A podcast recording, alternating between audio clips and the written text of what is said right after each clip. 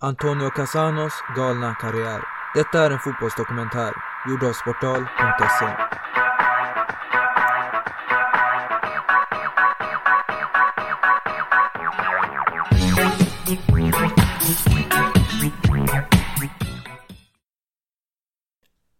Den 11 juli 1982 vann Italien fotbolls-VM.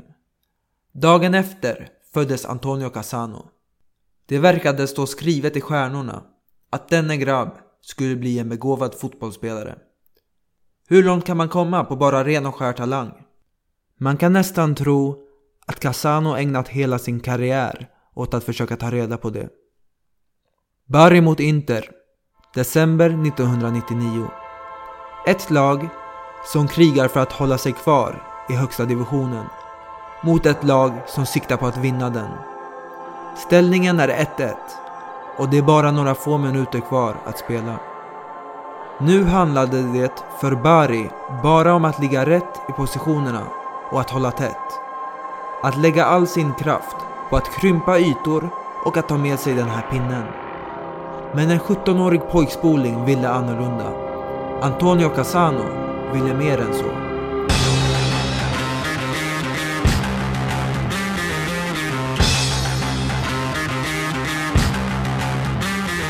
En långboll når honom på mitten av offensiv planhalva. Casano tar med sig bollen med klacken. Mellan sig själv och målet har han nu VM-guldmedaljören Laurent Blanc och Champions League-vinnaren Christian Panucci samt rutinerade målvakten Fabrizio Ferron, dubbelt så gammal som han själv. Casano lurar både Blanc och Panucci i en och samma rörelse, med vilken han lyckas smita emellan de två försvararna. I nästa moment fintar han Ferron åt fel håll och lägger in bollen i det andra hörnet av målet. En ny stjärna hade presenterat sig.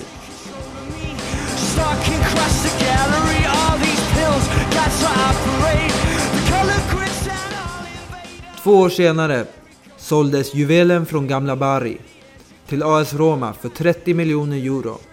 Världens dittills dyraste tonåring. Från sina fattiga, knappa förhållanden i Syditalien till välbetald stjärna i landets huvudstad.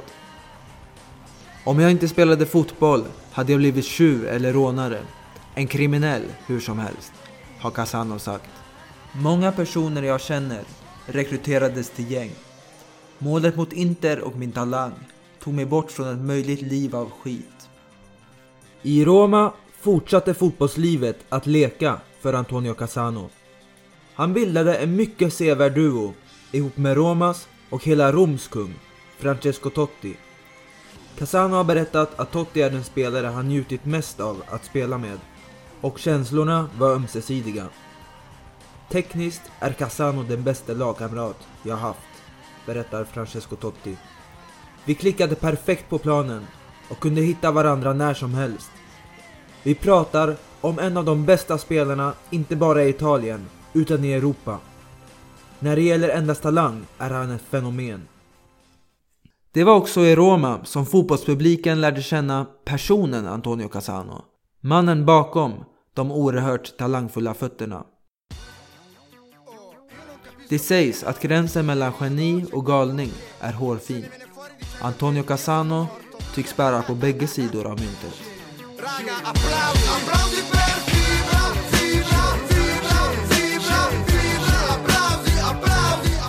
Var inte impulsiv. Var som mig. Innan du exploderar, räkna alltid till minst ett. Det ni nyss fick höra är ett citat från Antonio Casanos bok Dico Tutto. Jag berättar allt.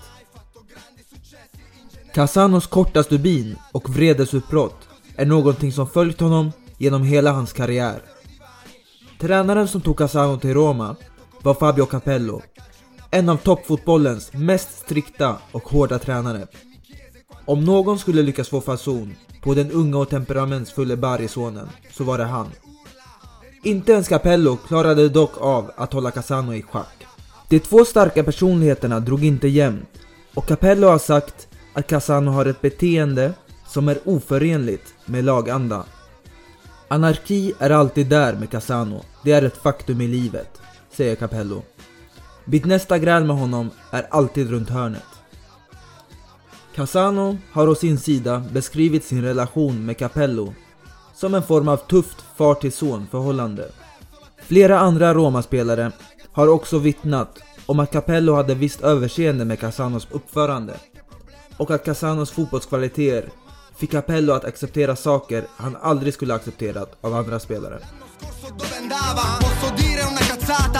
ripulito raga Non c'è stata mai una strada Da seguire in qualche modo Che sfiga, sfiga e Fabri Fibra Den mentala instabiliteten tvingade till slut Casano bort från Roma. Men den fantastiska talangen innebar att nästa anhalt var den yppersta världstoppen. Efter att ha ropat skithög till klubbpresidenten och delat ut ett slag mot sportchefen var Casanos dagar i Rom räknade.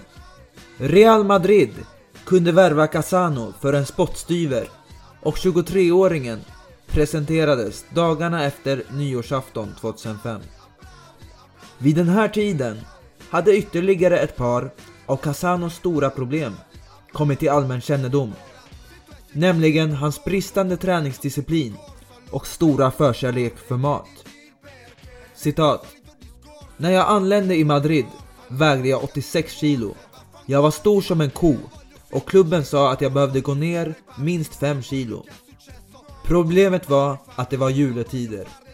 Fisk, förrätt, huvudrätt, andra rätt, tredje rätt, dessert. Istället för att tappa i vikt blev jag ännu tjockare. Jag rörde mig väldigt lite och åt mycket. Snart vägde jag 91 kilo. En fullvuxen ko, det är vad jag var. Ett spanskt TV-program började göra improvisationer av nyförvärvet. En frustrerad Casano syntes sparka på varuautomater för att tömma dem på mat samt försöka hoppa över staket för att äta chips och croissanter.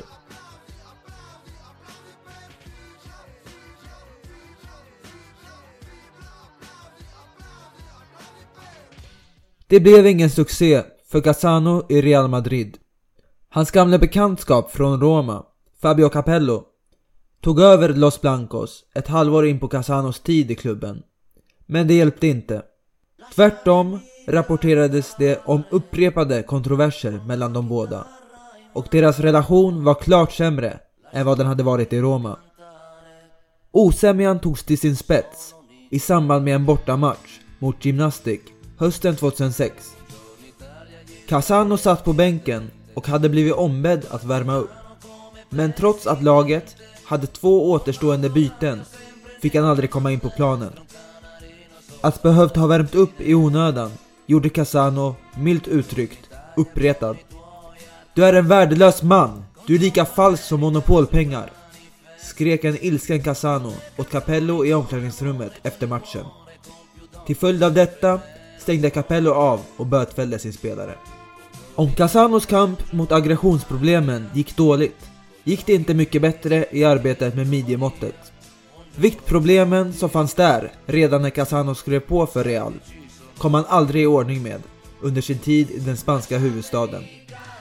I sanningens namn verkar det som att han prioriterade annat. Casano berättar följande. När du är omkring 20 år och gillar tjejer och kan träffa dem varje dag. Jag hade chansen, jag var en Madrid-spelare. Om jag hade sysslat med någonting annat hade ingen ens tittat på mig. Jag är bra, men jag är inte snygg. Casano berättar vidare i sin självbiografi att Real Madrid-spelarna alltid bodde på ett visst hotell i samband med hemmamatcherna. Och att hela truppen bokades in på samma våning för att alla skulle hållas under uppsikt. Detta kom Casano runt genom att på egen hand boka in ytterligare ett rum till sig själv på en annan våning dit han kunde smyga in tjejer över natten. Jag hade en vän i Madrid som var hotellservitör på hotellet vi bodde på, berättar han. Hans jobb var att ge mig tre eller fyra bakverk efter att jag hade haft sex. Det är inte ovanligt att jag blir hungrig vid två eller tre på natten. Han kom upp för trappan, jag lämnade över tjejen till honom och tog bakverken till mig. Sex och mat, den perfekta natten.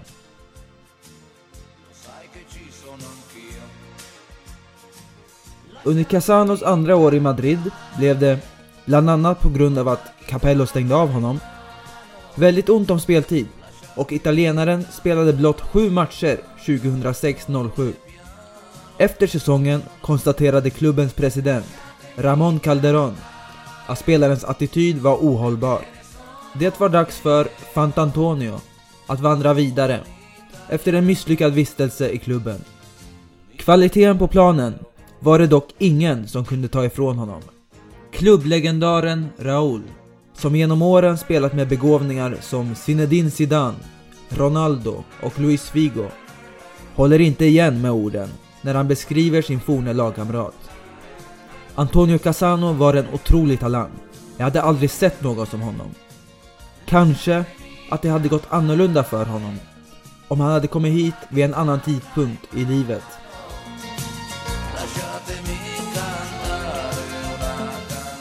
Det är oklart om Raúl hade rätt med tanke på att Casano strulat i princip under varje tidpunkt av sitt liv. Historierna om Casano är många och en av dem som får en att höja som mest på ögonbrynen är den om hur han skaffat och lyckats behålla sitt körkort. Casano köpte sitt körkort till ett bra pris av en man i Bari och kanske hade det inte skadat med lite trafiklektioner innan han satte sig bakom ratten. En natt klockan fyra körde Antonio Casano sin bil i 180 km i timmen samtidigt som han pratade i telefon med ena handen och smsade med den andra. Föga förvånande slutade det illa och Casano krockade. Blodig men utan livshotande skador ringde han upp sin kusin. Kom hit! Kusinen tog sig till olycksplatsen varpå Cassano blodade ner honom och placerade honom i förarsätet. Därefter ringde de ambulansen. E. Antonio Cassano valde att återvända till Italien. Denna gång till Sampdoria. Här upprepade sig samma gamla historia. Cassano imponerade stort på planen, men vid sidan av gick det desto sämre. Det definitiva slutet på Casanos tid i Sampdoria var när klubbens president, Riccardo Garone, skulle på en middag med en supporterklubb. Garone ville ha sällskap av de största spelarna i laget, men Casano nobbade inbjudan. När Garone krävde en ursäkt brast det för stjärnan, som förbannad kallade presidenten för en skitig gammal man och sa till spelarna som följde med på middagen att de var rövslickare. Som svar från Garone fick Asano höra att han hade mentala problem och han sparkades från klubben. En vanlig spelare hade haft svårt att få ett proffskontrakt efter så här många incidenter. Antonio Cassano är ingen vanlig spelare. Han skrev på för AC Milan, en av världens största klubbar, som dessutom var ligaledare vid tidpunkten. Med Milan kunde han vinna sin första italienska ligatitel. Men tiden i klubben var nära att sluta i sorg och tragedi. På flygplanet hem från en match mot Roma hösten 2011 började Antonio Cassano att svettas, fick suddig syn och svårigheter att tala och hålla balansen. Cassano berättar själv.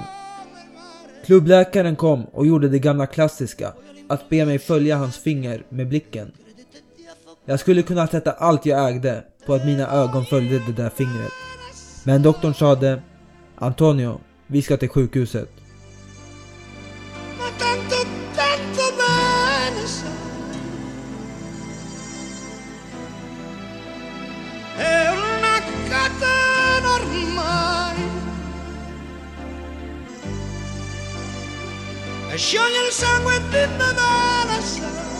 På sjukhuset kunde de komma fram till att Antonio Cassano hade drabbats av en hjärtinfarkt och behövde opereras.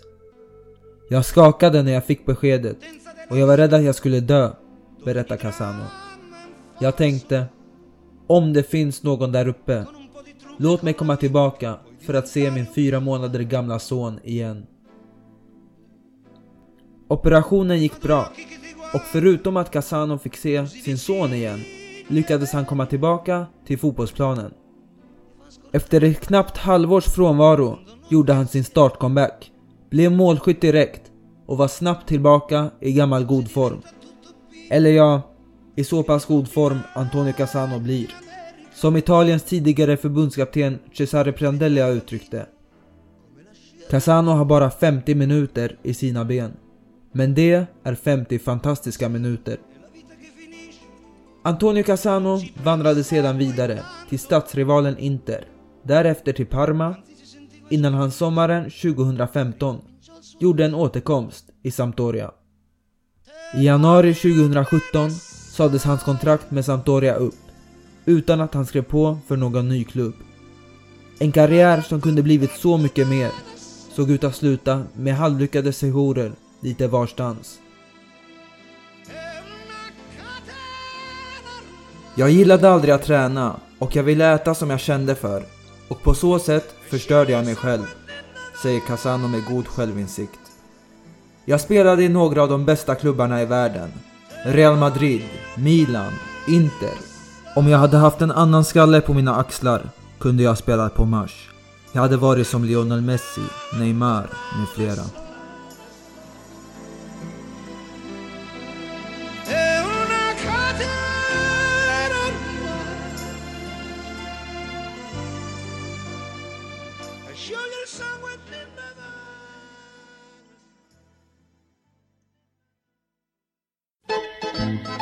När man trodde att man redan hade sett allt bjöd Casano sommaren 2017 på en uppvisning av klassisk Casano-galenskap.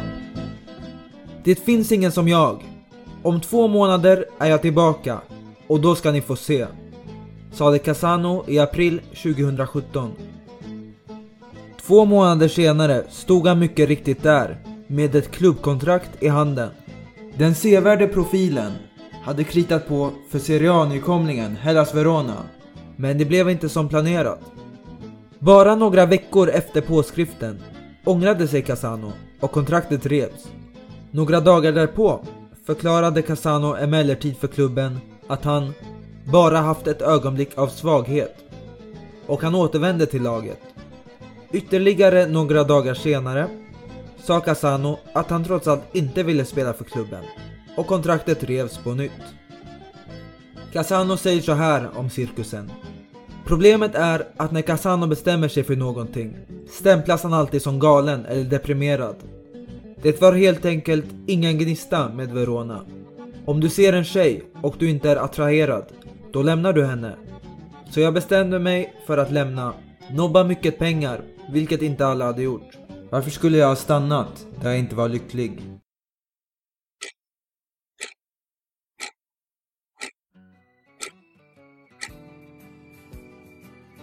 Ett drygt år senare, hösten 2018, står den numera 36-årige Antonio Casano anmäld till en kurs för att bli sportchef. Sedan han lämnade Verona hade han inte spelat fotboll och om han inte fastställt att han lagt skorna på hyllan innan tolkade de flesta det här som den definitiva bekräftelsen på att spelarkarriären var över. Men man ska inte räkna ut Casano i första taget. Jag står anmäld till kursen, det är sant, säger Casano. Jag vet dock inte hur ofta jag kommer att närvara. Jag känner mig fortfarande som en spelare. Jag är 110% redo. Jag känner mig bra i kroppen och i huvudet. Och med mina fötter kan jag spela tills jag är 60. Jag letar efter en tränare och president som tror på mig. Jag är säker på att jag fortfarande kan göra skillnad i Serie A. Kanske har det sista kapitlet i sagan om Antonio Casano inte skrivits än. Kanske är berättelsen slut. Oavsett vad grämer sig inte Casano särskilt mycket över att han inte gjorde det bästa av sin talang. Jag vet att jag inte har gett 100% fysiskt eller mentalt till sporten.